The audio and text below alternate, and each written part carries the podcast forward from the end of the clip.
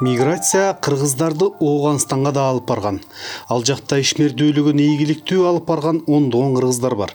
Азыр сиздердин назарыңыздарга бул мамлекеттин борбору кабул шаарына эки миң он бешинчи жылы барып иштеп жүрүп бир жылдан кийин террордук чабуулга туш болгон баурдошубуз айгүлдүн ажал оозунан суурулуп чыккан окуясын сунуштайбыз. Каарманыбыздын суранычы менен анын аты жөнү өзгөртүлдү айгүл ооганстанга досу аркылуу барган. Алгач барганда эле акшнын ооганстандагы атайын базасына түшөт. Ал жакта каарманыбыз жеке ишкерлик менен алектенген. Кабылда жүргөнүнүн экинчи жылы террордук кол салууга кабылышат. Ал күн коркунучтуу жана унутулгус болуп эсинде түбөлүккө сакталып калды. Биз жумушта болчукпуз ал күнү. Ошо биздин иштеп аткан жерибизге террордук кол салуу болду. Э, жумуш биз эртең менен баштап саат жети алтыга чейин иштечүкпүз ал убакыт бир жетилерде болчу. Жети биз уже жумуштан чыгалы деп атканда эме уктук да ал мындай биз деген жумуш ошо жумушубуз э, эшик жакта болчу да. Алар ошо эшикке кирип туруп эле элдерге мындай кол салып атып баштаганда эле биз ал эмелерин угуп бизге иштеп аткан менеджерибиз кыйкырды. Эй тиякта атып атат эшиктерди жапкыла деп биз ошондо кыргызстандан жети кыз болчукпуз. Бекеринен айтпайт го жети кыздын бирөөсү кыдыр деп. Жетөөбүз болчукпуз.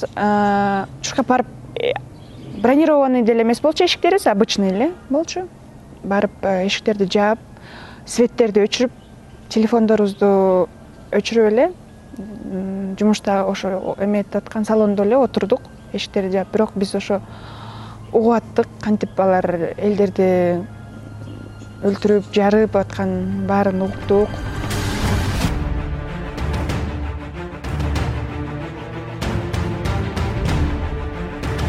айгүл менен кошо чет мамлекеттик адамдар да иштечү. Бирок анын жанында кыргызстандыктар да болгон алар террордук чабуулдун бутасына айланганда өлүмгө өтө жакын барган.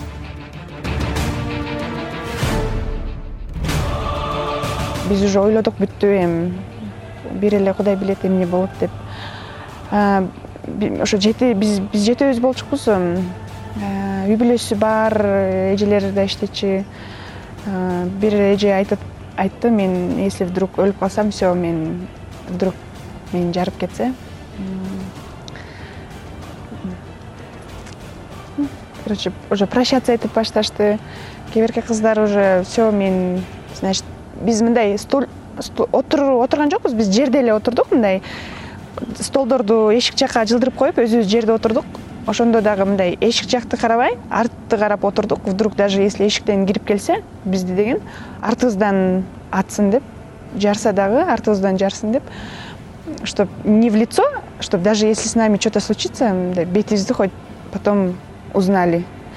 Артты карап эле жерде отурдук ошол ошол э, жардыруу он төрт он үч саат болду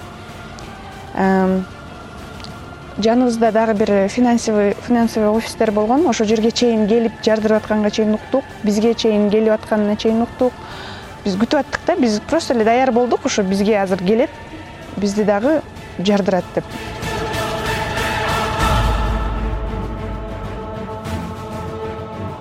ооганстанда атайын топтордун согуштук аракеттери токтобой террордук чабуулдар байма бай жүрүп турат.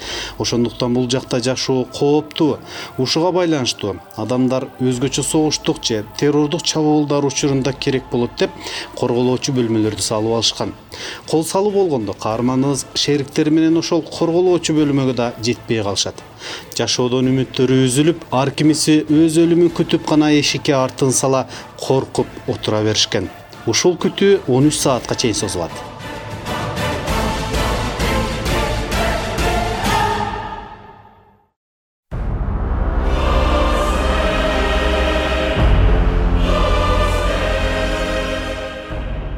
Жакын калып эле уже басып сүйлөшүп келип эле алар жардырып атып адамдардын мынтип адамдарды өлтүрүп атканына чейин угулду. Бирөөлөр тиякта кыйкырып аларды жардырып атып атканга чейин бүт ошонун баары бизге угулуп турду. Биз күтүп эле даяр болуп эле отурдук. Ойлодук азыр бизди ошо бизге дагы очередь келет. Жетебиз тең артты карап туруп эле бир линияда отуруп күтүп турдук. Ал биз ошо уктук ошол группировка мындай келатып эле э, эмнелерди кезип эмнелер кимдер жолукса деле жардырып эле атып эле келатып келатып аз калганда бир э, бизде бир официант ошол жакта бир официант бала бар болчу. Ошол бала деген биз жактан бир жерге жашынып калыптыр. Ал баланы дагы он не успел оказывается его тоже убили. Он наверное хотел где то мындай бир жерде жашынып калайын деп ойлосо керек. Ошо биздин биздин жумушка кирип келаткан эшиктин жанында эле. Ал бала мындай официант болуп иштеп ошо ошо жумушу ошол жакта болчу ал баланы дагы эме взорвали оказывается жаман эле экен да когда сен уже мындай даяр болосуң өлүмгө уже все мен значит эртең уже биз биякта уже жок болобуз деп. Ошо жанагы жаныбыздагы иштеп жүргөн ошо официанттагы баланы э, өлтүрүп биз ошону уктук кантип аны жардырып салып өлтүрүп салганын уктук террордук кыймылдын мүчөлөрү жакын жердеги дээрлик баардык адамдарды өлтүрүп имараттарды жардырып жүрүп отурушканы айгүлдүн жанындагы баардык кыз келиндерге кадимкидей болуп турган. Алар таң атканча жандарын ооздарына тиштеп өлүмгө баш байлап бири бири менен бир канча жолу түбөлүккө коштошуп үлгүрүшөт.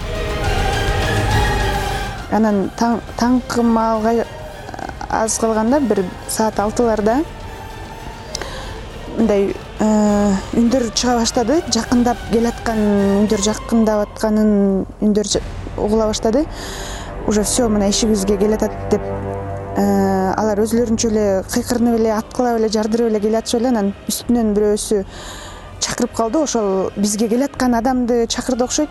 Ошо экөө деп биз ойлодук потому что сүйлөшүп келатышты да аларчы сүйлөшүп келатып анан анын үстүнөн бирөө чакырганда алар экөө ошо биздин келаткан жеринен токтоп калып өйдөгө чыгып кетишти. Биз ии деп эле эметип отурдук эми все равно азыр келет бизди кайра эметишет деп. Бирок ошо жаныбызда эле болуп атты биз эшигибиз жабык болчу ошонун баарын биз угуп аттык эмне болуп жаныбыздагы эшиктерди жаныбызда болгон офистерди иштеген жерлердин баарын эле эметип атышты үндөр чыгып атты вертолеттордун үнү чыгып атты жардырып атканын. Аябай коркунучтуу эле болду эми.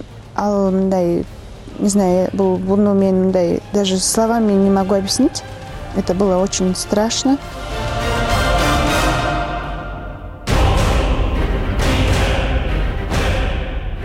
Таң аткыча өлүмүн күтүп отуруп бирок тилекке жараша алар куткарылат британиянын аскер күчтөрүнүн жардамы менен кыргызстандын атайын өкүлдөрү жашынып отурган жеринен кыздарды куткарып чыгып кетет бул куткарууну айгүл көзүнө жаш албай эстей албайт ал ошондогу көз ирмемдерди өмүрү өткүчө унутпайт.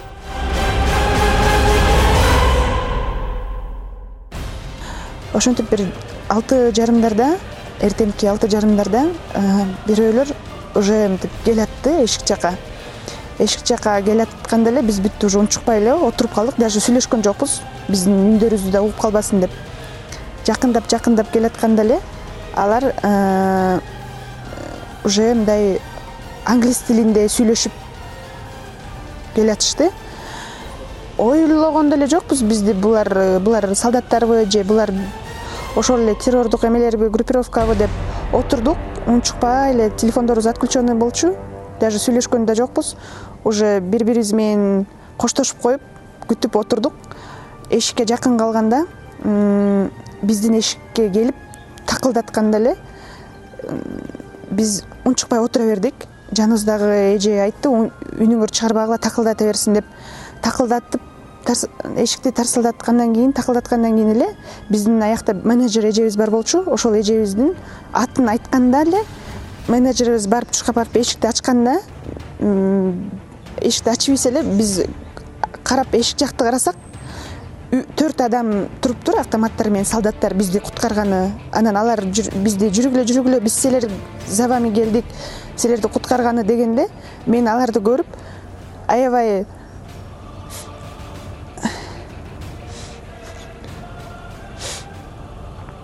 толкунданып кеттим. Өзүмө ишенбей кеттим что бизди ушулар адамдар келип куткарды деп.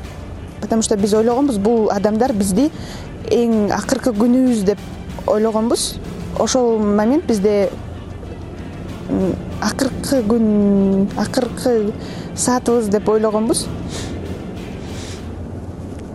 Аларды көргөндө анан аябай кубанычта болдум. Ошол моментте дагы шок болдум. Эмне кыларыбызды билбей бизди алар келип алып кетти. Алар менен чогуу эшикке чыктык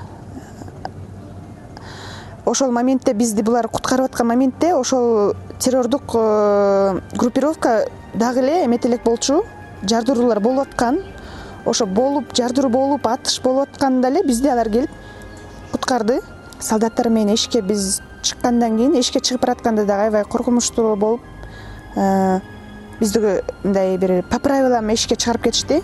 Э, тигилер бизди укпасын көрбөсүн деп автоматтары менен ошондой бир алты адам бизди алып кетти окшойт. Бир бирден баарыбыз машинага отуруп чыгып баратканда биздин эшиктин жанында биздин кыргыз э, кыргыз элинин кызматкерлери туруптур күтүп алар менен чогуу биз э, башка базага бардык. Башка базага барганда бизге тамак берип жылуу кийимдерин кийгизип психологический жардамдарын бизге беришти. Бир э, максимум бир бир жумадай жүрдүк ошол жерде болдук жардамдарын берип бизге жакшы эмелерди кылып турду. Андан кийин бир жумадан кийин кыргызстанга учуп кеттик. Ошол күнү акыркы күндөр афганистанда болду андан кийин кайтып барган жокпуз. Баарыбыз тең кайра кыргызстанга кайтып келдик. Жакшыраак каражат табуу максатында ооганстанга барып калып бирок террордук чабуулга кабылып бул дүйнө менен аз жерден коштошуп кала жаздап өлүмдүн оозунан суурулуп чыккан айгүл чет жактарда иштеп жүргөн мекендештерге кайрылат. Эми ушул случайдан кийин айтып кетер элем э, биздин ушу мигранттар ушу э, жыргап эметип жүргөн үчүн келип иштешкен жок. Мен тиги афганистанда иштеп жүргөндө көп биздин мигранттарды кыргыз эмелерин көрдүм. Баары бияка келип иштеп несмотря что здесь очень опасно это очень опасная страна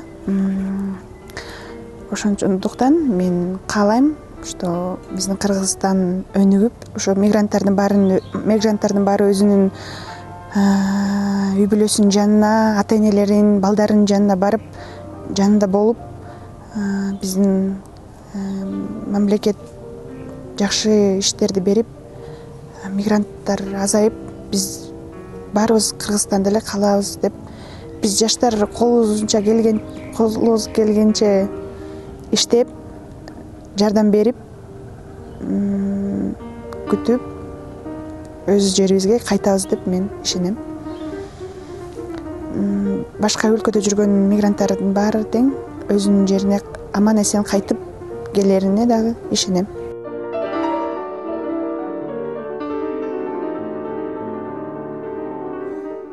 ооганстан коомдук саясий кырдаалы туруксуз. Террордук чабуулдар бат баттан жүз берип адам өмүрлөрү көп кыйылып турган мамлекет. Мындай жашоо ондогон жылдар бою созулуп келе жатат. Бирок ошентсе да миграциялык агым айрым кыргыздарды да ооганстанга алып барган.